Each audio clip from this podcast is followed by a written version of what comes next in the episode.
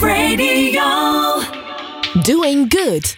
Met Mark van Hal. Goed voor jezelf, goed voor een ander. Haal het beste uit jezelf en laat je inspireren. Elke laatste maandag van de maand tussen 6 en 7 uur. Welkom bij de 37e aflevering van Doing Good. Wauw, het is eh, gewoon februari en eh, ja, het is wat eh, zonniger aan het worden. De afgelopen maanden was het zo dat ik als ik begon aan dit programma, dan werd het, was het gewoon donker.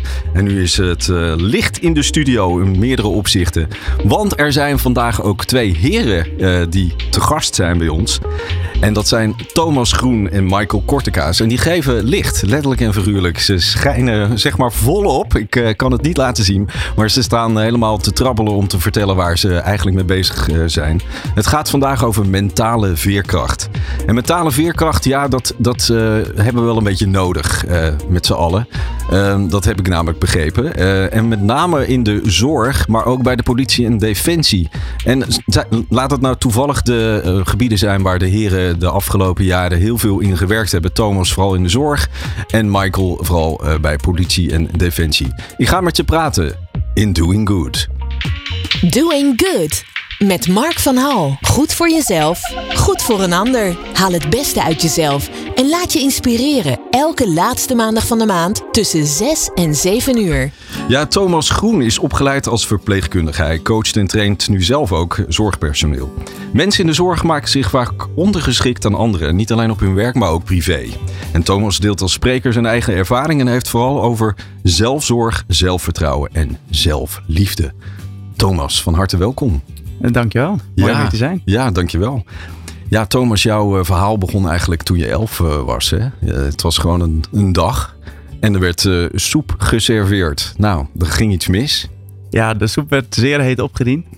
Ja. Mijn moeder had een pan groensoep in haar handen. Die stond helaas verkeerd en die viel mijn kant op, in mijn schoot. En ja, Thomas groentesoep. Thomas groentesoep, ja. Ja, je, je, maakt er ook grappen over. Hè? Dus, uh, opeens de soep met ballen, hè? want het kwam uiteindelijk ook uh, in je kruis terecht. Ja, maar het, het, is voor jou een hele traumatische ervaring geweest. Ja, zeker. Ik heb mooie herinneringen aan mijn ziekenhuistijd. Ik werd, het was in Goes in Zeeland, dus ik werd naar het ziekenhuis daar gebracht. Ja, en daar is mijn droom geboren om ambulanceverpleegkundige te worden. Toen ben ik overgeplaatst naar Beverwijk, naar het uh, Rode Kruis heb ik gelegen op de kinderafdeling van het brandwondencentrum. Ja, en daar heb ik echt wel een super vette tijd gehad. En mensen waren super lief voor me. Daar ondervond ik echt hoe ja, oh, oh, oh, je maakt me al meteen in de war. Je zegt uh, iets verschrikkelijks en dan vervolgens iets moois. Hè? Je, je wordt naar, door ambulance uh, naar het ziekenhuis gebracht. En dan was een wens om ambulance uh, personeel te gaan worden. Dat zeg je net. En mm -hmm. je hebt een super vette tijd gehad in Beverwijk. Ja, zeker. Wow. Ja, ik, ik, kom nog bij de good part. Oh, oh, ja, ja, precies. Um, ja, je stopte me net voor het stukje dat er ook minder leuke dingen waren. Dus ja, natuurlijk, mijn wonden moesten elke dag verzorgd worden. Ik kreeg super veel pijnstilling. Um, mijn katheter kon bijvoorbeeld niet verwijderd worden. Echt geen idee waarom. En het ding waar jij denk ik naar refereert is dat ik uiteindelijk posttraumatische stressstoornis gehad heb. Op mijn vijftiende had ik nachtmerries, herbelevingen. En zat ik bij de psycholoog voor ja. uh, traumatherapie. Ja, want uh, toen de tijd, hè, uh, toen je elf bent, hè, als je elf bent, dan, uh, dan zit je in zo'n periode van, uh, van het ontdekken. Of je, je, ik weet niet wat er gebeurt. Maar het is niet een moment dat je natuurlijk in het ziekenhuis uh, moet terechtkomen. Maar jij beschreef ergens in een blog, beschreef je dat je dan uiteindelijk later inderdaad ja, het trauma omhoog kwam op je vijftiende. En dat is natuurlijk ook een best wel heftige tijd. En dan zit je midden in je puberteit. Um, en, en toen, wat, wat gebeurde er toen met jou? Ik zat op dat moment in de vierde van, van mijn gymnasium. En het was kerst. Ik liet mijn rapport zien en dat was echt zo verschrikkelijk slecht. Er stonden een aantal drieën op, een aantal vieren. Volgens mij geen enkele voldoende. Ja, en toen moest ik het wel vertellen aan mijn ouders. En toen zei ja, wat is er aan de hand? En ja, er was geen ontkomen meer aan. Dus ja, ik had nachtmerries bijna wel elke nacht. Zo erg dat ik niet meer in slaap durfde te komen. Ook ja, vooral niet meer wilde slapen. Concentratiegebrek ja, waardoor ik gewoon echt niet meer in staat was om te studeren. En toen is het balletje gaan rollen. En wat daar uiteindelijk allemaal onder lag, daarvoor zat ik op mijn 21ste bij de psycholoog, namelijk een negatief zelfbeeld. Dus in mijn presentatie heb ik het vaak over een, uh, over een smurf. En die staat heel erg metafoor voor hoe ik me heel lang gevoeld en gedragen heb. Namelijk, ja, die smurf die steekt altijd zijn duimen op. Uh, die lacht. Dus ik gebruikte heel veel humor als masker. En ik liet vooral niet zien dat, niet zien dat dingen mij raakten. Uh, ja, en ik voelde me gewoon niet goed genoeg. Dus ik was ook echt niet in staat om, ja, om mezelf te uiten, om te praten over wat er in mij omging. Ja, en dat heeft het, als ik daar terugkijk, niet beter gemaakt. Dit is uh, zeg maar een bepalende gebeurtenis in je leven. Het, het heeft het fundament gelegd uh, onder heel veel keuzes die je hebt gemaakt. En een van de keuzes die je hebt gemaakt is dat je verpleegkundige bent geworden. Mm -hmm. uh, kun je daar iets over zeggen? Ja, zeker. Um, ik heb mijn gymnasium uiteindelijk afgerond. Heb toen een jaar niks gedaan. Of tenminste een tussenjaar genomen, want ik wist niet wat ik wilde doen. Toen heb ik een jaar geschiedenis geprobeerd te studeren. En ja, de poging zit hem al in het geprobeerd dat lukte niet. De universiteit was niks voor mij. En toen zei mijn moeder, waarom ga je geen verpleegkunde doen? En nadat ik eerst de memorabele woorden zei, maar ik ben en een man en ik heb gymnasium gedaan, dus dat ga ik niet doen. Ben ik het toch gaan doen. Want ze herinneren me aan het feit dat ik graag ambulanceverpleegkundige wilde worden. En toen dacht ik, oké, dat lijkt me toch wel tof. Dus laat ik het maar doen. Toen maakte je eigenlijk weer een duik in de tijd dat je in, uh, zeg maar, in het begin van, van je leven, elf, uh, el, op je elfde, dat had uh, besloten of zo. Of de wens had laten ontstaan. Ja, eigenlijk wel. En je moeder had dat je, je helpen herinneren. Dat was eigenlijk wat er gebeurd is. Ja, inderdaad. Hmm. En ik wist ook niet wat ik anders zou moeten doen. Maar meestal, meestal doe je vooral niet op die leeftijd wat je moeder zegt natuurlijk, hè? Nou, geloof me, daar ben ik nog steeds wel goed in. Ja. Um, ja, ik weet niet, het voelde kloppend. Mm -hmm. En ik wist ook gewoon echt niet wat ik anders wilde doen. En ik had een dag meegelopen. Ja, ik vond het wel vet. Dus ik dacht, ik ga het gewoon doen. Ja, en je hebt het gedaan. Ik heb het gedaan. Ik ben uh, afgestudeerd in 2017. Tot en met maart 2021 gewerkt in het AMC in Amsterdam. Met redelijk veel plezier. En toen ben ik uh, ja, buiten het ziekenhuis aan de slag gegaan voor mezelf. Mm -hmm. Wacht, je gaat wel heel snel nu, hè? je gaat echt even F-16 spelen. Maar um, oké, okay, dan ben je in de, in de baan van je leven. Hè? De, um, wat, wat vond je er echt mooi aan? Wat ik het allermooiste vond, ja, was de, hoe dichtbij je mag komen bij mensen. Je bent zelf um, laatst patiënt geweest. Ja, en dat is, het is echt magisch om zo dichtbij te zijn voor mensen die zijn het wij zijn het licht, ja, dan mag je ook letterlijk het licht zijn voor iemand. Als diegene het natuurlijk toelaat. Ja, en er ontstaat een bepaalde verbinding die, ja, dat is niet in woorden te omschrijven. Nee, je, je vertelt net, uh, je zei net even in een korte tussenzin, ik ben zelf uh, patiënt geweest. Dat klopt. Hè. In augustus uh, vorig jaar ben ik hartpatiënt ge gebleken. Mm -hmm. Ik ben geopereerd aan mijn hart met een nieuwe hartklep. En het is inderdaad zo, als er dan iemand bij je staat en, en je uiteindelijk de zorg geeft. Dat is aan de ene kant een spannend moment, hè, want je bent aan je lot overgeleverd. Maar je bent ook uiteindelijk overgeleverd aan de zorg van die prachtige mensen, genaamd verpleegkundigen. Mm -hmm. En terwijl jij dus vertelt over, over zeg maar, wat je, dat je heel dichtbij mag komen, dat klopt ook. Je, je komt natuurlijk in de meest kwetsbare periode van, van iemand, kom je heel dichtbij het bed. En, wat, en waarin maakte jij het verschil, uh, Thomas, dan? Wat denk je? Ja, dat weet ik niet. Ik denk met mijn humor. Ja, ja. Of niet, dat denk ik, dat weet ik zeker.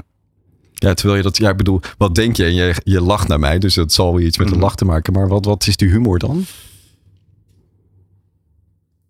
Is dat sarcastisch, ironisch? Ja, het is, het is eigenlijk alles wel. Het kan heel sarcastisch zijn.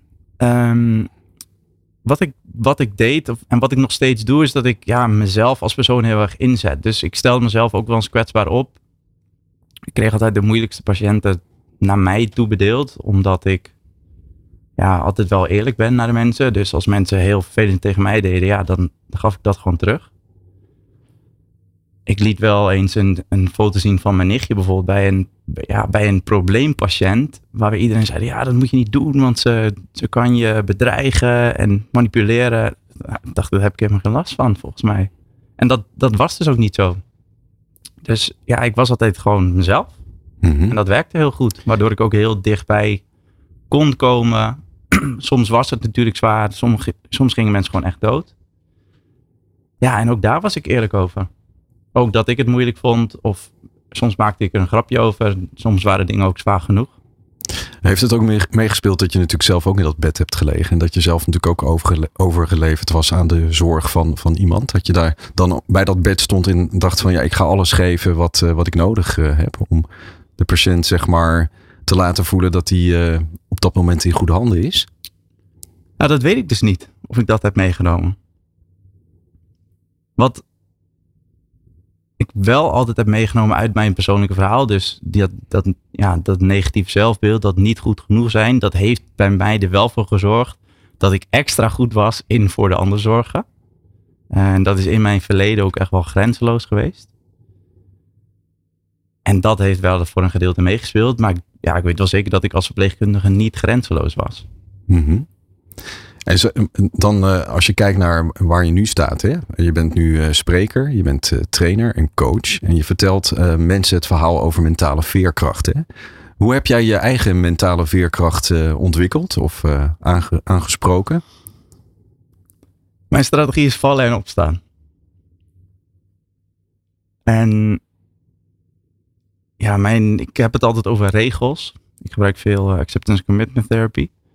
En dan heb je een bepaalde strengheid in die regels. En mijn favoriete regel, maar ook mijn meest belemmerende is, ik moet sterk zijn. En tegelijkertijd ook, ik mag niet falen.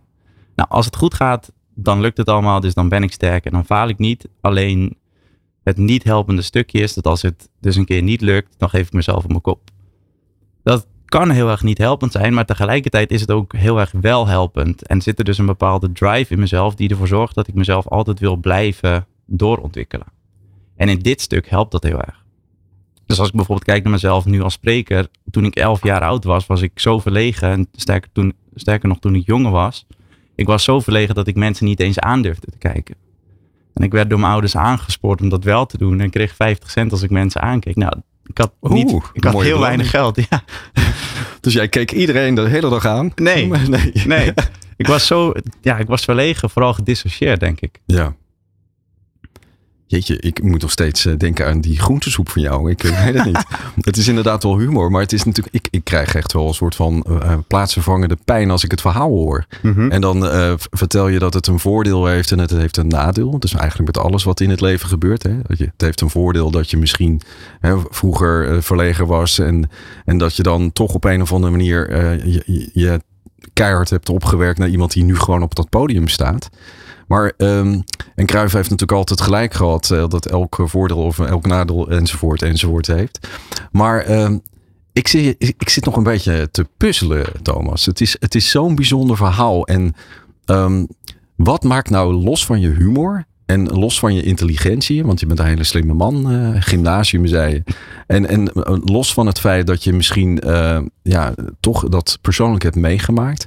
Wat maakt jouw verhaal nu straks of, of nog steeds op het podium zo bijzonder? En je gaat ook een boek schrijven.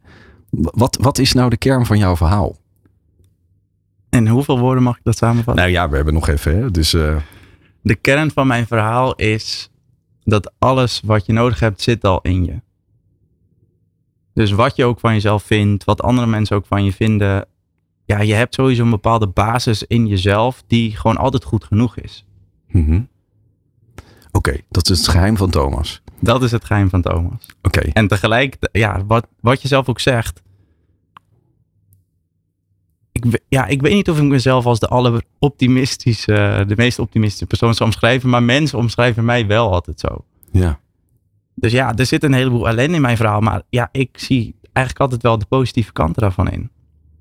En dat is het mooie. Het is de ellende die je hebt meegemaakt, is eigenlijk de shit uit het verleden, is nu gewoon voor jou de, de mest voor de toekomst, eh, om het zo te zeggen. Ja, 100%. Ik, ja. Uh, ja, ik denk dat je je eigen pijn of je eigen onzekerheid heel goed kan, kan recyclen om in je voordeel te gaan inzetten. Ja.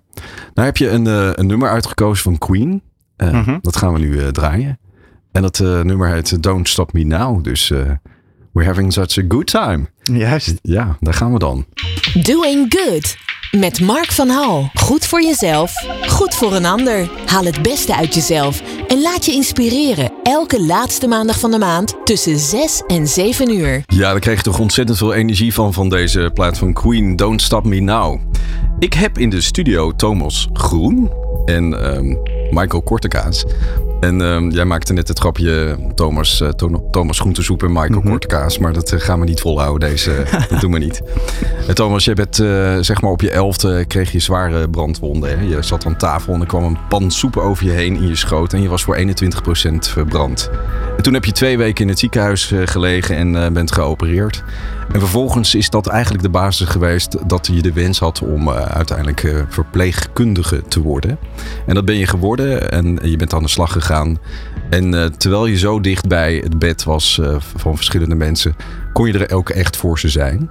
En je merkte ook in uh, jouw werk dat, je, dat zeg maar, heel veel verpleegkundigen ook hun uh, grenzen niet weten te behouden. Hè? Dus uh, daar ben je dus mm -hmm. ook zelf mee bezig geweest om te kijken van waar zit het nou eigenlijk in. En als je dat zou kunnen vertalen, waar, waar, wat is nou de kern van het probleem als je het hebt over verpleegkundigen en de grenzen? Als je goed bent in voor de ander zorgen, dan is het automatisch een tweetje dat je minder goed bent in voor jezelf zorgen. Ja. En er zitten een heleboel beperkende overtuigingen onder. Dus oké, ik ben goed in voor jou zorgen.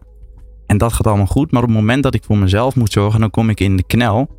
Want dan ben ik egoïstisch, of ben ik de ander tot last, of ben ik een slechte verpleegkundige, of misschien een slechte moeder. Er zitten heel veel als-dannen in dat stukje.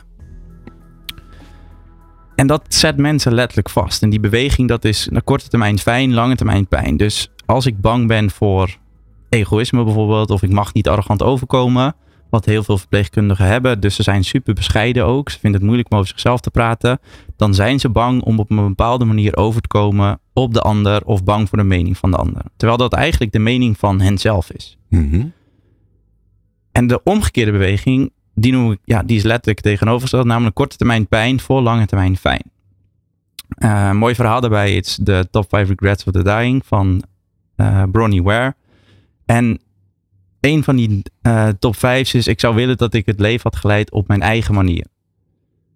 Oh ja, dan lig je gewoon bijna te, te sterven en dan uh, krijg je dat naar boven. Oh, ja. Juist. En dit is natuurlijk wel een extreem voorbeeld, want dit zijn mensen die op een sterfbed liggen in een hospice. Een ander is bijvoorbeeld, ik zou willen dat ik mezelf had toegestaan om gelukkig te zijn. Of ik zou willen dat ik de moed had gehad om mijn gevoelens meer te uiten. Maar op het moment dat je dus wel blijft kiezen voor die korte termijn fijn ja, oplossingen, zal je ja, gegarandeerd uitkomen bij die lange termijn pijnoplossing. Dus dat kan bijvoorbeeld ook veel stress zijn, of een burn-out, of een depressie. In mijn geval posttraumatische stressstoornis.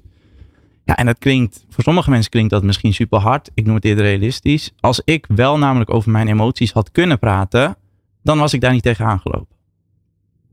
Klinkt logisch. Ja. ja, lijkt mij ook. Ja. En ik denk dat de sweet spot zit tussen die twee.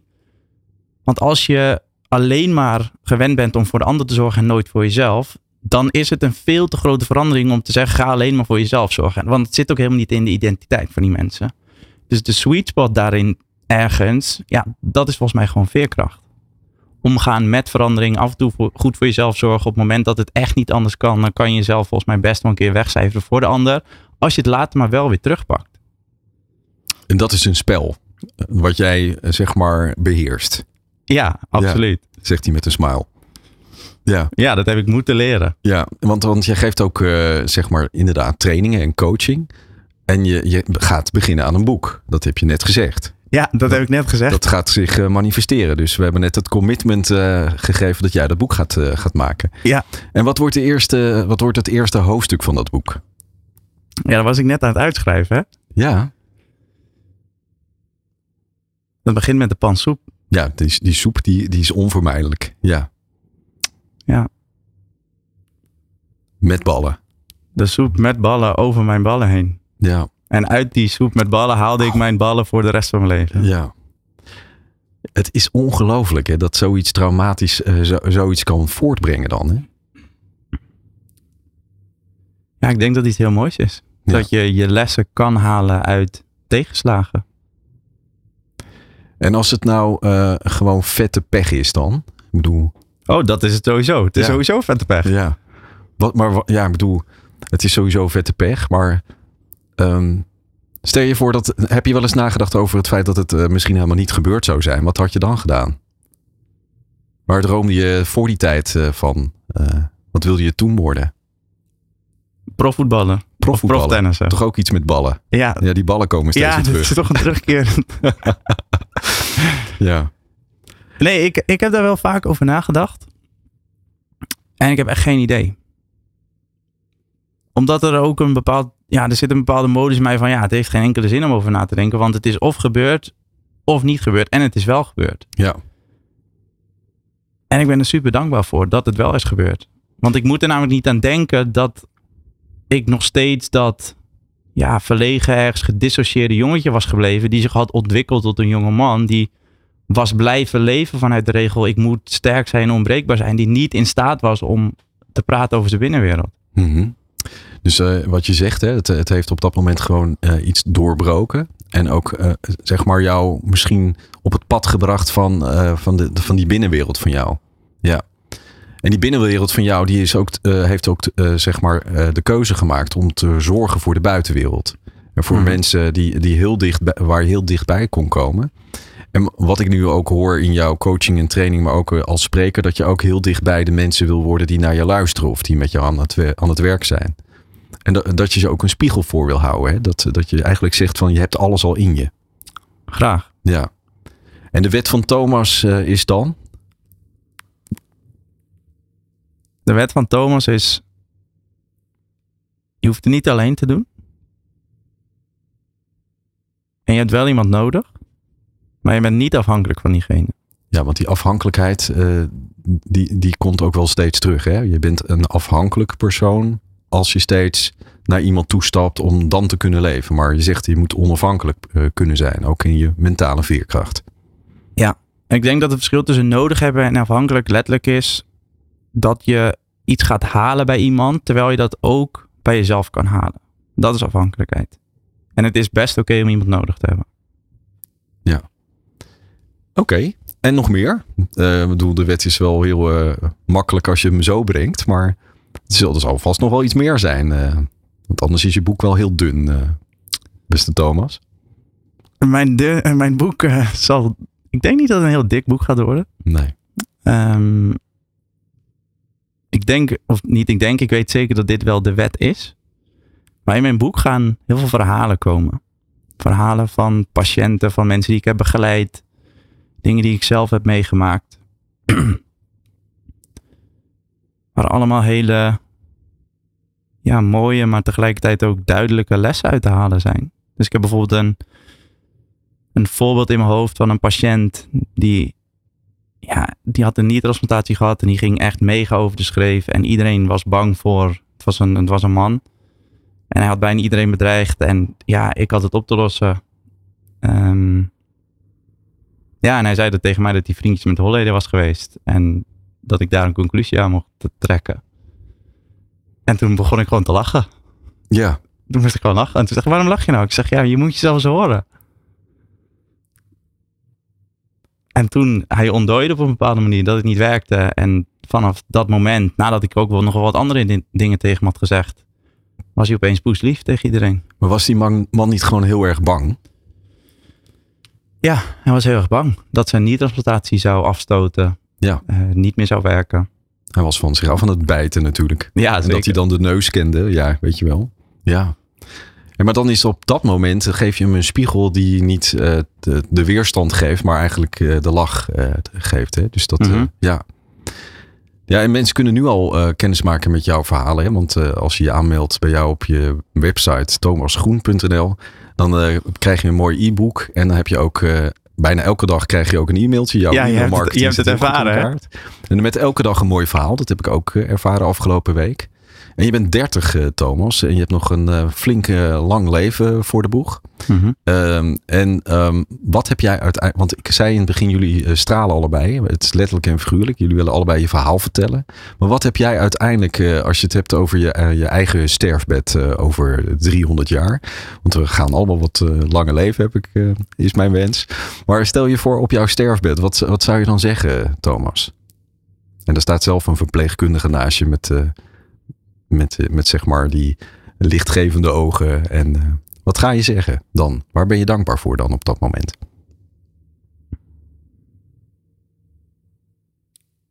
Wat ik bereikt hoop te hebben. is een, ja, het is eigenlijk heel simpel. Een hutje op de hei met de moestuin erbij. Misschien met een paar dieren en vrouw, kinderen. In goede gezondheid oud worden. De regie over mijn eigen leven behouden. Ja, met veel liefde vooral. Naar de mensen om mij heen. Vanuit, uh, ja, vanuit de beste intenties. Zo mooi kan het zijn. Dankjewel, Thomas. Doing Good. Met Mark van Hal. Goed voor jezelf, goed voor een ander. Haal het beste uit jezelf en laat je inspireren. Elke laatste maandag van de maand tussen 6 en 7 uur. Michael Kortekaas is oprichter van het programma Professional Fit en inspirerend spreker over leiderschap, werkgeluk en mentale veerkracht. Hij is ook een van de hunters in het tv-programma Hunted van NPO 3. Al jarenlang helpt hij mensen en teams naar een energieker, fitter en vitaal bestaan. Van harte welkom, Michael. Dankjewel. Ja, hoe is het met je? Bij mij gaat het goed. Ja, je zit gewoon lekker relaxed op die stoel daar. Zo, ja, te, te shinen. Um, wat, heb je vandaag gedaan? Wat, wat is jouw dag, zeg maar, sowieso? Um, vanochtend getraind. Ja. En uh, daarna ik ben uh, naar een, uh, een van mijn beste vrienden is vandaag 50 jaar geworden. Kijk eens aan. Dus hadden we een surprise voor hem, een lunch hadden we geregeld. En uh, vanmiddag nog even wat uh, kort gewerkt en toen eigenlijk alweer hier naartoe. Ja, je hebt geen lezing gegeven vandaag? Nee, geen nee. lezing. Nee. Want je geeft er 150 per jaar. Dus ik dacht van nou, er zal vast wel eentje uh, tussen zijn geweest. Ja. Maar het is niet zo. Nee, morgen mag ik weer aan de slag. Vandaag ja. was een wat rustigere dag. Sowieso is dit een iets rustigere periode. Hè. Januari, februari, zo meteen half maart. Dan gaat het weer echt helemaal draaien tot mei, juni. Ja. En dan juli, augustus weer wat rustiger. En september, oktober, november zijn echt de piekmaanden. Ja, en Michael, jij bent uh, iemand die gewoon wel weet wat mentale veerkracht is. Hè? Want uh, je, hebt, je hebt heel lang in die wereld gewerkt van politie en defensie. Hè? Je bent begonnen met een opleiding uh, in het CIOS, dus echt lichamelijk. Ja. En vervolgens ben jij les gaan geven op de, op de academies. Ja. En um, waar, waar, kun je vertellen, hoe was jij als klein jongetje? Heel druk. Een druk mannetje. ja, ik was een druk mannetje. Ik ben altijd een, al een sportman geweest, maar ook gewoon heel gedreven en denk dat ik zeker ook uh, de stempel uh, ADHD misschien wel gekregen had. Uh, Jij toen ook zo al. klein. Zo. Ja, maar ja. dat is overigens nooit gedaan. Maar nu wordt dat tegenwoordig wordt dat natuurlijk iets makkelijker al toegegeven. Je had maar iets nee, te veel veerkracht. Je stuiterde door het leven. Ja, precies. Ja. ja. En ehm, ja, ik was altijd aan het sporten, altijd aan het spelen en dingen doen. Eigenlijk van jongens waren al wel gedreven. Ik heb zelf een, eerst een LTS gedaan. toen ben ik naar het CIO's inderdaad gegaan, naar een MBO-opleiding. En daarna heb ik de sportacademie gedaan. Dus ik heb een heel routetje afgelopen. En daarna heb ik 12,5 jaar voor politie en defensie gewerkt. Ik kom uit de vechtsport vandaan. En uh, ik startte bij de Marechaussee, de Koninklijke Marechaussee. En daar werd ik docent gevaarsbeheersing. Dus ik heb politiemensen en militairen geleerd om eigenlijk veilig te werken. Ze noemen dat in de geweldspiraal. Dus wat je dan moet voorstellen is waar het nu heel normaal is. Dat mensen bijvoorbeeld, en zelfs ook buiten die doelgroep. Hè, uh, als je Thomas bijvoorbeeld ook hoort. Maar ook dat je aan brandweermensen denkt. Of mensen van justitie of BOA's. Dat ze bijvoorbeeld een agressietraining krijgen. Of een communicatietraining. Toen ik in 1998 begon bij de Marge bestond dat eigenlijk allemaal nog niet. Sterker nog, zij, mochten, zij mogen geweld gebruiken. Politiemensen en militairen mogen geweld gebruiken. Ze hebben de geweldsmonopolie, zoals we dat noemen, voor politiemensen. En om dat geweld te gebruiken moet je gecertificeerd zijn. En um, in die tijd was het zo dat zij op de schietbaan stonden. Daar lieten ze natuurlijk wel schieten, want ze hadden een vuurwapen bij. Maar daar werd eigenlijk heel weinig nog onderricht op communicatie. Op uh, hoe houd je nou iemand aan professioneel. Hè? Dus als jij je handboeien gaat gebruiken. Of als je nou een stoot gaat uitdelen. Of je moet echt iemand, als er een vechtpartij is, hoe grijp je in? En daar werd ik eigenlijk voor aangenomen. En bij de Marge waren ze daar hun tijd ver vooruit. Uh, om mensen al echt te gaan leren van hoe moet je dat nou doen. En ik denk dat dat ook een heel mooie opmaat is naar uiteindelijk mijn verhaal. Want dat was heel fysiek georiënteerd. Dus eigenlijk een beetje vanuit mijn CIO's en sportacademie. Vanuit mijn vechtsportachtergrond. Alleen toen waren wij wel al gelijk best wel op zoek ook naar. Ja, wij leren nu mensen allemaal dingen aan in een dojo. Hè, dus waar de vechtsport plaatsvindt. En op een schietbaan. Maar hoe gaat dat nou in de praktijk? En de praktijk is natuurlijk gewoon altijd anders. En dan kom je al heel snel ook uit op uh, hoe handelen mensen onder stress bijvoorbeeld. Kunnen ze emoties reguleren? Kunnen ze gefocust blijven? Denken ze na voordat ze handelen bijvoorbeeld? En daar is ook al een heel stuk gestart van de mentale kracht die uiteindelijk op de politieacademie is uitgerold. Ik denk dat we zo meteen nog wel uh, op terugkomen. Ergens in 2010, 2011. Is zo'n start vanaf 1996, 97, 98 is daar al iets in werking gezet. Ja, en, en jij bent natuurlijk ook wel getest op je mentale veerkracht in die tijd, neem ik aan. Dat Ja. heb je toch allemaal niet, eh, of heb je dat talent sowieso wel, dat je, dat je heel veerkrachtig bent? Nou, dan kom je een beetje op nature-nurture verhaal uit natuurlijk. Hè? Dus je hebt wat in je zitten en je wordt, er wordt wat aangeleerd. En trouwens ook, hè, dat heb je net aan Thomas' verhaal ook gehoord, ook wat voor ontwikkeling je doormaakt. Hè? Dus door wat je meemaakt in je leven, hè, kan dat een bepaalde kant opdraaien. Eh, ik denk dat ik van nature al wel iets gewend ben. Eh, maar ik denk ook zeker door bijvoorbeeld mijn... hè, ik ben begonnen in de atletiek. Dus ik was een middellange afstandloper. Een 1500 meter loper. Tot mijn 13e, 14e jaar, 15e. En toen ben ik de vechtsport ingegaan. En daar heb ik ook gewoon wel heel veel geleerd al op mentaal gebied. Hè. Er zit natuurlijk heel veel link eh, daar naartoe. Dus ik heb eh, veel eh, judo, jiu-jitsu en boksen, kickboksen gedaan. Ja, en daar leer je wel ook met dingen omgaan. Al is het alleen maar dat je al leert incasseren. Of leert als je een keertje geworpen wordt dat je weer opstaat. Nou, Thomas had net al heel mooi over vallen en opstaan. Ja, dat is natuurlijk letterlijk wat daar gebeurt.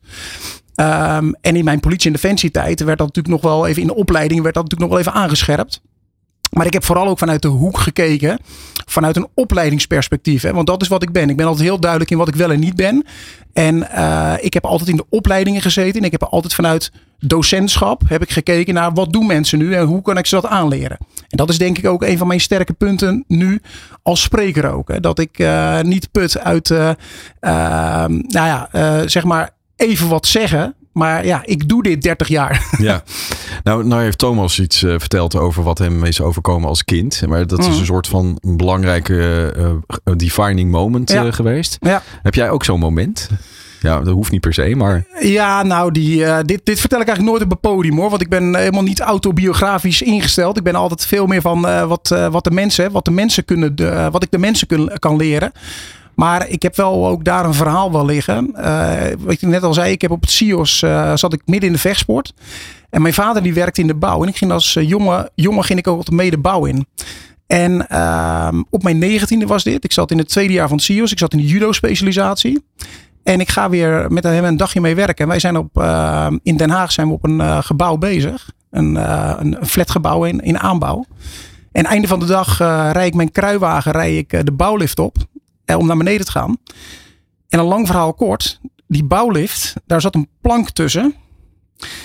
En ik rij mijn kruiwagen erop. En ik weet niet precies wat daar gebeurd is. Of ik heb die plank weggeschopt. Of ik ben weggegleden. Of weet ik wat allemaal. Maar die plank die glijdt er tussenuit. En ik val van de vierde etage naar beneden. Bovenop die vuilcontainer. Ja. En ehm, daar brak ik mijn onderbeen. Hè. Dus eh, even zeg maar heel plat gezegd. eh, ik werd bijgetikt. Want ze dachten dat ik daar hartstikke dood viel. Ik werd bijgetikt en daar stat mijn onderbeen uit mijn broek vandaan. Dus ik heb het honingraadje zeg maar aan de binnenkant, eh, die zag ik voorbij komen. En mijn pols stond zo. Nou, de ambulances reden bijna de hekken eruit, want het was heel dicht bij het Westeinde ziekenhuis gebeurde dat. En eh, nou, toen ben ik dus uiteindelijk geopereerd en pen in mijn benen en mijn pols in de gips gezet. Dit heeft mij 2,5 jaar gekost. En dit heeft ook eh, mijn judo carrière bijvoorbeeld gekost. Want ik was heel erg fanatiek met judo ook. Alleen, ik zat midden in een revalidatieperiode. Toen ik 19 was, zat ik in een rolstoel. Ehm, dus het is wel grappig dat, je hier, dat dat hier zo te sprake komt. Want dit is een verhaal wat ik eigenlijk nooit deel. Nou, ik noem het maar grappig. Nou, Ja. maar het is eigenlijk, dat, het, het is een beetje, eh, ook een beetje knullig. Hè? Dat zou mij ook, ook kunnen. Ik ben best wel knullig namelijk. Maar, maar ook het verhaal van Thomas zit ook in, in een klein hoekje, het Ja. ongeluk. Ja, En, je hebt 2,5 jaar eh, dus eh, niet zoveel kunnen doen. Hè? Eh, Ja. maar je bent er wel uitgekomen. ja zeker weten. En ehm, ehm, ik, als je nu vraagt over mentale kracht. Kijk, nu, toen begreep ik dat helemaal niet. Nu begreep ik dat, begrijp ik dat veel beter. Kijk, voor mij was er gewoon geen enkele andere uitkomst mogelijk. Toen het eerste dat ik uit narcose kwam. Toen vroeg ik aan die arts. Kan ik nog sporten? Pats. Want daar zat ik, ik zat midden in mijn, mijn ziekte. Ja. Dat was allerbelangrijkste. Ja. Dat was voor mij toen het allerbelangrijkste. En toen zei hij, nou ja, eh, dat, eh, dat denk ik wel. Want je hebt eh, je onderbeen in het midden gebroken. Dus er is een pen ingezet. Dus dat, dat moet aan elkaar groeien. Maar het is niet een gewricht geweest. Dus de kans. Maar ja, het zal wel aan jou ook liggen. Hoe jij revalideert. Ik ken ook mensen die hier minder mee doen. Maar ja, het zou kunnen. Ja, voor mij was dat helemaal geen eh, issue. Eh, er moest gewoon weer gesport worden. Je had mentaal eigenlijk de beslissing genomen van ik ga gewoon weer ik sporten. heb geen dag Ja. daarover geklaagd. Ik ben gewoon gelijk eh, aan de slag gegaan. En waar ik toen wel een beetje naïef in was, maar dat is wel een hele leuke. achteraf begreep ik dat ook weer beter. Waar ik naïef in was, dat ik dacht, ik ga revalideren. En ik ga alsnog weer een hele goede wedstrijd judoka worden. Ehm, en dat is wel een mooie koppeling naar doelen stellen. Want ik heb zelf nog, ik heb ook wedstrijden gejudo'd. Ik heb ook gewoon, ik ben daarna de militaire opleiding gegaan. Dus ik heb heel veel dingen nog gedaan. Ik durf te zeggen dat ik nog steeds heel fit ben en dat ik heel erg belastbaar ben. Alleen ik lag er wel 2,5 jaar uit. En uh, het judo, wat daar gebeurde, daar had ik gewoon veel te veel in gemist. Maar dat is op zich wel een mooie koppeling naar het thema doelen stellen bijvoorbeeld. Hè. Dat hielp mij wel om het doel op mijn horizon groot te houden. Ja. En dat bracht mij wel, gaf mij wel die richting gegeven. En een aardig verhaal is nog wel, toen ik bij de keuring naar binnen kwam voor de, de marechaussee viel toen nog onder de landmacht. Dat was er nog één krijgsmachtonderdeel. Toen werd ik ook binnen drie tellen werd ik afgekeurd. Want die, die fysiotherapeut en die medische staf die zag mijn onderbeen. Die zegt ja, dit gaat hem niet worden.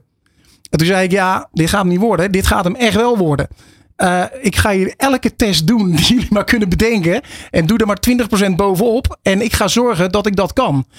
Nou, toen heb ik die testen uiteindelijk gedaan. Maar ze wilden mij afkeuren op. Uh, uh, er is ook een huidtransplantatie heeft er plaatsgevonden. En ze wilden mij afkeuren omdat die huidtransplantatie op een plek zit. Waar mijn kisten, dus waar je in de, militaire opleiding je, je kisten die je aan hebt. Zij geloofden niet dat dat het zou houden, omdat daar veel spanning op kwam te zetten. En met marsen en weet ik wat allemaal. En uiteindelijk heb ik toen nog bij de plastisch chirurg in het Westeinde ziekenhuis heb ik uh, een handtekening uh, gevraagd. Want de, de, de, de, medische staf zei toen van, nou, als jij het voor elkaar krijgt dat die plastisch chirurg aangeeft dat dit heel blijft, dan mag jij de opleiding in. Michael, luister. Dit is geen veerkracht. Dit is, dit is gewoon, ik weet niet wat er in jou dan gebeurt, maar je wilde gewoon zo keihard. Ja. En waar kwam dat vandaan dan? Ja, wat ik net al zei, ik denk dat dat, ook, dat dat ook in me zat. Ik ben altijd wel gedreven geweest, maar bijvoorbeeld, je moet je niet vergissen. En dat leg ik ook vaak op een podium uit. De mentale training is nu populair hè, en er worden heel veel dingen ook aangehaald. Alleen soms ben ik ook wel een beetje dat we dit dichter bij huis moeten houden. Want ik ben ervan overtuigd dat ik het geleerd heb in mijn atletiek en mijn vechtsport. Want als 1000 en 1500 meter loper moest ik ook al bijten. Heel erg bijten zelfs. He, spat in het melkzuur dat je oren vandaan na één rondje. Maar dan moest je gewoon nog twee uh, of tweeënhalf rondje afhankelijk van de afstand. Of in vechtsport ook. Daar werden mijn, uh, mijn leermeesters, die waren daar echt wel gewoon ook mee bezig om mij uh, te trainen. En als je dan een keer geworpen werd of er dan wat gebeurde, ja, dan moest je weer opstaan. En mijn zoon judo nu ook fanatiek. Ook daar zie ik dat weer in gebeuren. En daar heb ik echt wel geleerd om dus te vallen maar ook weer te kunnen opstaan. En echt wel wat kijken naar van waar ligt jouw macht en kracht. En wat kan jij er zelf aan doen. Dus daar eigenaarschap over nemen. Dus die twee zijn wel die combinatie uh, daarin. En uh, uh, nogmaals, het zit dus al een stukje in mijn aanleg. Maar ik denk ook dat ik het zeker aan mijn sport te danken heb dat ik dat uh, voor elkaar heb gekregen. Nou, vind ik het helemaal niet zo'n raar idee dat jij dit, deze volgende song hebt aangevraagd. Walk This Way. Keihard. ja, ja, precies. Doing Good. Met Mark van Hal. Goed voor jezelf, goed voor een ander. Haal het beste uit jezelf en laat je inspireren. Elke laatste maandag van de maand tussen 6 en 7 uur. Ja, Michael Kortekaas is uh, in de uitzending van Doing Good. En hij begint een beetje te luchtgitaren. Je kan er zelf ook uh, gitaar spelen, Michael, toch? Ja, ik kan een beetje gitaar spelen en drummen inderdaad. Ja, de drummen. Ja, als we nou een, een, toestel hadden, dan had je dat uh, even flink kunnen doen. Ja. hey, over drummen gesproken. Je gaat ook drummend door het leven. Hè? Dat, dat ratelt maar door en dat gaat maar door. Je hebt een enorme energie. Waar komt die energie vandaan? Ja, uh, dat is die ADHD, dat zeggen ze dan meestal. Hè? Ja, misschien ja, okay. ik een stempel krijg ja, inderdaad. Nee, maar goed. Nou, ik denk dat het ook heel veel te maken heeft met uh, dat ik gepassioneerd ben in wat ik doe. Uh, dat, ik, dat het een feest is dat ik zoveel mensen blij mag maken. En dat ik ook echt geloof in wat ik doe. Um, en ik denk ook dat uh, uh, waar ik mensen en teams en organisaties mee help, uh, een van de mentale tools is energiemanagement. En ik denk dat ik zelf heel goed in staat ben om mijn energie ook te managen. Hè? Dus dat ik ervoor zorg dat je zowel veel energie kan uitgeven, maar dat je ook kan opladen. Ja. En uh, nou, ik denk wat je net de eerste vraag dat dat al een, een goede is in die richting. Hè. Ik weet dat ik dit is dan voor mij even een soort van perform momentje hè, dat ik hier uh, ben. Uh, maar vanochtend heb ik gewoon uh, lekker gesport.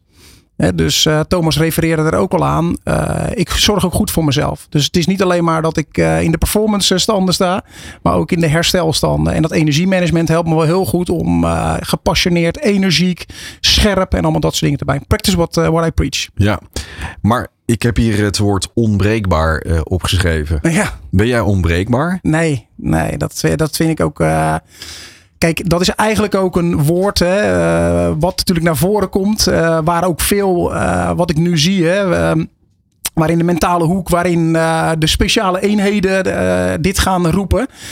Ehm, en natuurlijk, hè, dat zegt, het woord zegt het al, speciale eenheden, dat zijn ook speciale krachten. Dus die hebben dingen die de gemiddelde mens niet heeft. Sterker nog, dat hebben heel weinig mensen.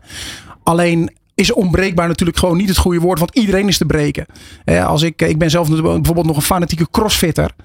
Ja, je kunt zo sterk zijn als je wil. Maar ik, met, twee minuten kan je natuurlijk gewoon uh, volledig aan het gas eh, gaan. Ja, dan ben je gewoon helemaal kapot. Dus je bent niet onbreekbaar. Maar je kunt natuurlijk wel heel veel mentale kracht ontwikkelen. En daar zit wel die onbreekbaarheid in. Hè? Dat je wel kan zorgen dat je dingen lang kunt volhouden. Dat je doorzettingsvermogen of grit, hè, dat je dat ontwikkelt. Volharding. En dat is natuurlijk wel waar die termen vandaan komen en wat erin zit. En ik denk ook, hè, eh, als ik mijn lezingen geef. Uh, ik heb daar ook een beetje een, uh, hoe zeg ik dat? Soms moeten dingen zo zijn. Michael Kortekaas, MK, mentale kracht. Voel je hem al aankomen? Ja, ik voel hem aankomen. Ja, dat hebben je ouders natuurlijk al bedacht. ja, dat je hebt nog een heel, uh, heel verhaal bedacht. Soms moeten dingen zo zijn in het leven. Dus ik uh, geef mijn lezingen of mijn presentaties. Alles wat ik doe valt onder de paraplu mentale kracht. Alleen zet ik toch in mijn lezingen heel vaak ook het woordje veer ervoor omdat namelijk veerkracht het tegenovergestelde is. En dat spreekt ook wel eens, bijvoorbeeld zo'n onbreekbaar, dat spreekt dat wel eens tegen.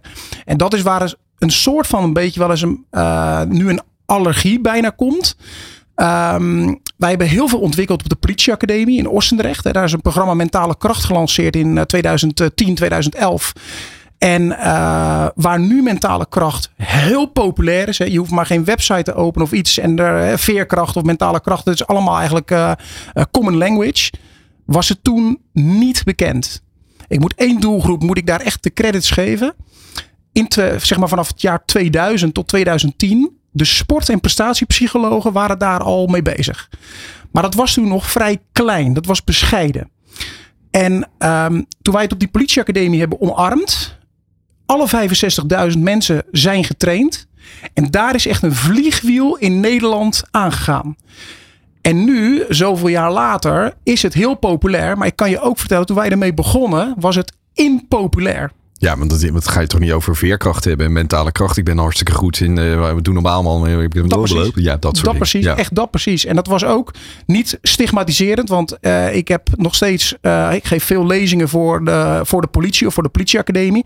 Ik heb er lange tijd in mijn carrière gezeten. Dus ik heb er ook veel aan te danken. Dus daar zeker niet. Ga ik niet op afdoen. Maar ik heb daar ook wel mensen gezien uh, in zo'n organisatie als dat, waar het heel moeilijk was, waar ze echt in de weerstand zaten voor zo'n programma. Ja, dan moest je echt vanuit van, van de weerstand, moest je ze in de leerstand krijgen. En uh, dat lukte vaak ook wel, want wij hadden heel veel goede trainers uh, om ons heen. Maar dat was impopulair, kan ik je vertellen. En um, maar door die hele traject, doordat 65.000 mensen getraind zijn, is het als een vliegwiel aangegaan. En werden we bijvoorbeeld ook al snel door Defensie gevraagd. Door de brandweer, door de geneeskundige dienst. Maar ook in het bedrijfsleven. En uh, waar mijn allergie, of nou niet allergie is een groot woord, maar wat ik nu wel een beetje zie gebeuren, is wij hebben het toen ontwikkeld binnen de politie om de politieagent, de politieman of de politievrouw op straat, beter te laten presteren dus door ze meer te leren over doelen stellen, over hun energie te managen, over hun gedachtenpatronen, dus belemmerend of helpend te kunnen denken, over aandacht te kunnen richten. En op een of andere manier is in de afgelopen vijf jaar is er ook een enorm label aangehangen dat mentale kracht, dat speciale eenheden de mentale kracht beheersen. Dat beheersen ze ook. En laat ik daar heel duidelijk in zijn, want anders kan je dat niet doen. Maar op een of andere manier is daar ook ingekomen dat daar zo'n dat dat met hardheid te maken heeft en dat daar dan eigenlijk alle regels gelden. Alleen is dat natuurlijk niet de absolute waarheid ook. Er zit veel meer aan. Hè? En er zit ook een hele andere kant aan. En dat is wel eens waar, uh, waar ik mensen nog wel eens mee help om dat uh, perspectief nog weer beter te zien. Dat het niet alleen maar gaat over uh, doorzetten. En ik noem het altijd maar, hè, uh, pijn is fijn en bloed is goed en jeuk is leuk. En dan kom je een beetje in die uitspraak terecht. En daar kan je heel veel aan hebben in je leven. Maar we moeten ook een andere kant op kunnen denken. Dat gaan we nu doen. Yes. Ja, en welke kant is dat? Nou, eigenlijk wat, uh, wat ik net al zei, bijvoorbeeld dat er een veerkracht en een krachtkant. Eigenlijk dat het een yin-yang verhaal is. dus kracht heb ik net al gezegd, dat gaat over dat doorzettingsvermogen en uh, volharding. Maar veerkracht gaat over, kun je accepteren? Kun je nee zeggen. Als je bijvoorbeeld wel ergens mee stopt, betekent het dan dat je niet geen mentale kracht hebt? Snap je waar ik naartoe wil? want uh, je zou dus kunnen zeggen, ja, je stopt met een opleiding, heb je geen mentale kracht. Ja, heb je geen doorzettingsvermogen. Heb je geen maar dat hoeft helemaal natuurlijk niet waar te zijn. Je kan juist een hele goede keuze maken. Uh, kun je loslaten? Hè? Kan je inderdaad anderen om hulp vragen? Hè? Als je denkt, ik kom er zelf niet uit. Durf je of kan je je kwetsbaar opstellen? Hè? Kun je feedback ontvangen? Nou, dat zijn heel veel dingen die daarmee gepaard ook gaan. Dus dat kracht versus veerkracht verhaal is wel een heel mooi uh, stukje ook. En wat, wat, wat is voor jou kwetsbaarheid? Nou, uh, wanneer ben jij kwetsbaar? Nou, daar heb ik ook wel dingen in moeten leren, kan ik je vertellen. Want dat is niet iets wat ik ook, uh, wat ik 20 jaar geleden of 15 jaar geleden zo heel erg uh, in me had. Nog steeds is dat denk ik wel een kant die, waar ik scherp op moet zijn. Dat ik eerder leer uitspreken. Dat klinkt ook streng trouwens. Nou ja, dat valt wel mee, denk ik. Maar het is gewoon meer een reflectie hè, van uh, dat ik toch snel in een standje kom. Zeker als je allemaal dingen aan het doen bent, dat je je terugvalt op waar je goed in bent. En als ik dan ook wel eerlijk naar mezelf kijk, dan ben ik nog meer goed in het krachtgedeelte dan in het veerkrachtgedeelte. Mm dus ik zou me wel eerder kunnen uitspreken. Als ik bijvoorbeeld kijk naar mijn relatie. Ik ben 30 jaar met, uh, met Suzanne. Hè, vanaf mijn negentiende uh, ken ik Suzanne. Dus wij zijn echt mijn jeugdliefde. Wij hebben twee kinderen. En uh, daar heb ik nog steeds wel dat ik wel eerder even kan zeggen wat me bijvoorbeeld dwars zit. Of dat ik me even uitspreek van joh, ik heb gewoon dit en dit aan mijn hoofd zitten. Dat is niet gelukt. Vandaar dat ik nu gewoon even doorzet. Of dat ik even juist dit moet doen. Of dat ik even hard moet trainen. Um, dus daar zit wel een stukje in. En wat kwetsbaarheid ook is.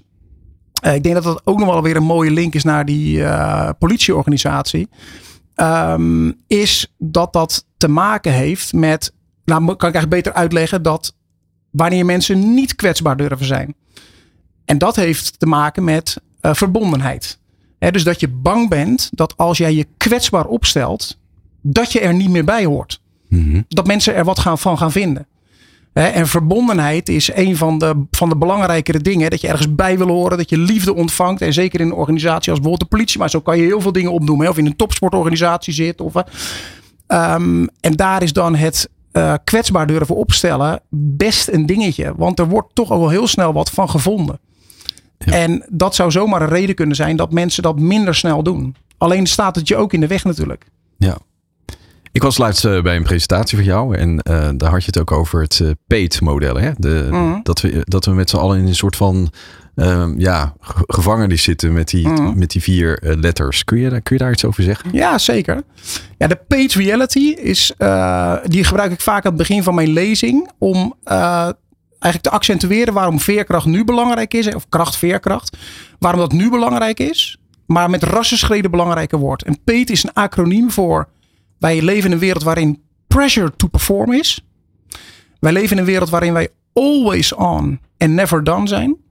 Wij leven in een wereld met een informatieoverload. En wij hebben veel afleiding om ons heen. Distractors are everywhere. En die paid reality, daar, kan je, daar koppel ik dan ook een aantal oplossingen op. Dus pressure to perform gaat heel erg over doelen stellen. Dus hoe doe je dat nou? Mensen denken dat ze daar heel goed in zijn, maar dat is vaak helemaal niet zo. En wij stellen onze doelen veel te hoog en afhankelijk van anderen. Ja, always on and never done, daar koppel ik dat energiekwadrant, dat energiemodel aan. En informatieoverload en afleiding, daar koppel, koppel ik het thema focus aan.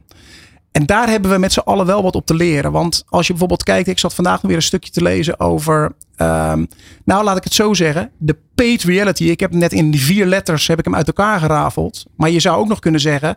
Vertaald is het letterlijk de betaalde realiteit. Als jij weet hoeveel jonge vrouwen in problemen komen door de algoritmes van Instagram of uh, TikTok, hoe heet die dingen allemaal. Dat is bizar. Maar Instagram of de TikTok, die, die hebben daar helemaal maling aan. Het gaat om geld. Dus die paid reality is ook nog eens bij elkaar een hele belangrijke dat we met z'n allen dat begrijpen. Want bijvoorbeeld hè, um, AI, die maakt nu modellen. Die bestaan niet. Maar die modellen die zijn heel mooi. Hè? Dus even stigmatiserend. Mannen gaan daar naar zitten kijken. En die gaan naar hun eigen. Die denken zo, dat ziet er goed. En die gaan naar hun eigen vrouw zitten kijken. Waarom zie jij er niet zo uit? Ja. Kun jij en, niet even door de AI-machine ja, alsjeblieft? Ja. ja. En, maar het is nog veel erg de andere kant op. Die vrouwen, zelfs de Instagram-modellen zelf. Die gaan daar naar zitten kijken en die denken, waarom zie ik er niet zo uit? Ja. Nou, dat is natuurlijk, ja, dat is een hele logische verklaring voor. Het bestaat namelijk niet. nee. Maar wij worden wel gek gemaakt met z'n allen daardoor. En, daar dat- hebben ja. wij wel wat meer mentale tools voor nodig om dat te doorgronden. En dit vind ik een hele mooie brug naar het volgende. Namelijk dat wat je misschien in je hoofd haalt hè, aan, aan gevaren of eh, dingen die misschien zouden mislukken of wat dan ook. Die, die, die bestaan eigenlijk ook niet. Hè? Dat zijn misschien ook mentale constructen van, van dingen die je misschien eh, morgen zou kunnen overkomen. Dat je ziek wordt of dat je een ongeluk krijgt. Of dat je met, Ja. een, met een kruiwagen in de bouw opeens van een, eh, Ja. van een staar... Dat kan je van tevoren allemaal bedenken, maar het Ja. is niet waar. Het, hoeft niet waar te zijn, toch? Nee, helder verhaal. Kijk, dat is eigenlijk het thema, het gedachtentraining thema bij de kop. Hè. Men leidt het meest onder het lijden dat men vreest. Eh, en dat zijn belemmerende gedachten. En in die angstwereld als het ware, daar word je wel steeds meer ingezet. Maar het is niet alleen die angstwereld, maar het is ook die performwereld. Hè. Dus dat je alleen maar hè, een, een, een gewoon leven is eigenlijk al niet goed genoeg meer. Nee. Je moet allemaal extreme doen. Je moet hard werken, je moet carrière bereiken. Maar je moet ook naar die festivals kunnen. En dan moet je ook nog eens hard trainen. En je moet een goddelijk lijf hebben. Ik word er helemaal gek van, eh, Michael. Hou op. Ja, Ja, nee. precies. Dus Hey Michael, als jij eh, zeg maar op het podium staat, dan geef je mensen hand, handvatten om met dit soort druk om te gaan. Hè? En je, je geeft ook eigenlijk eh, modellen weer. Mhm. Eh, 150 keer per jaar, maar misschien ook wel 200 keer per jaar. Mhm. En zelfs ben je ook bezig met een boek. In één regel, wat is de wet van Michael? Ehm, goed is perfect. En perfect is vaak niet goed. Kijk eens. Dat is een hele diepe. Dankjewel, eh Michael. Graag gedaan. Doing Good. Met Mark van Hal. Goed voor jezelf, goed voor een ander. Haal het beste uit jezelf en laat je inspireren. Elke laatste maandag van de maand tussen 6 en 7 uur. Ja, ik kan wel uren doorpraten met Thomas en Michael, maar dat gaat gewoon niet. We hebben een, eh, een uurtje de tijd voor eh, Doing Good, één keer per maand. Bedankt dat je luistert trouwens. Vandaag heb ik geleerd eh, dat eh, mentale veerkracht eh, vele vormen kan hebben.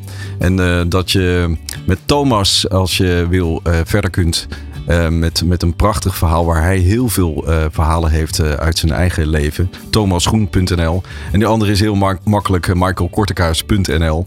En daar kun je prachtige verhalen over. Je kunt ze beide boeken als spreker. En ik wil jullie beiden bedanken, heren, voor jullie komst in de studio. Mentale veerkracht, ja, dat heb je niet zomaar. Daar moet je wel wat aan doen. En ik wens je heel veel plezier en succes in je leven. Want die veerkracht heb je altijd nodig. En er zit meer in je dan je denkt. Dankjewel. Dit is Good Life Radio. Hoi, ik ben Mark van Hal en ik presenteer het programma Doing Good. En ik wil jou graag inspireren, verwonderen en bijpraten. Het kan gaan over persoonlijke ontwikkeling, maar ook over hoe mooi het is om iets voor een ander te betekenen. Doing Good. Met Mark van Hal. Goed voor jezelf, goed voor een ander. Haal het beste uit jezelf en laat je inspireren. Elke laatste maandag van de maand tussen 6 en 7 uur.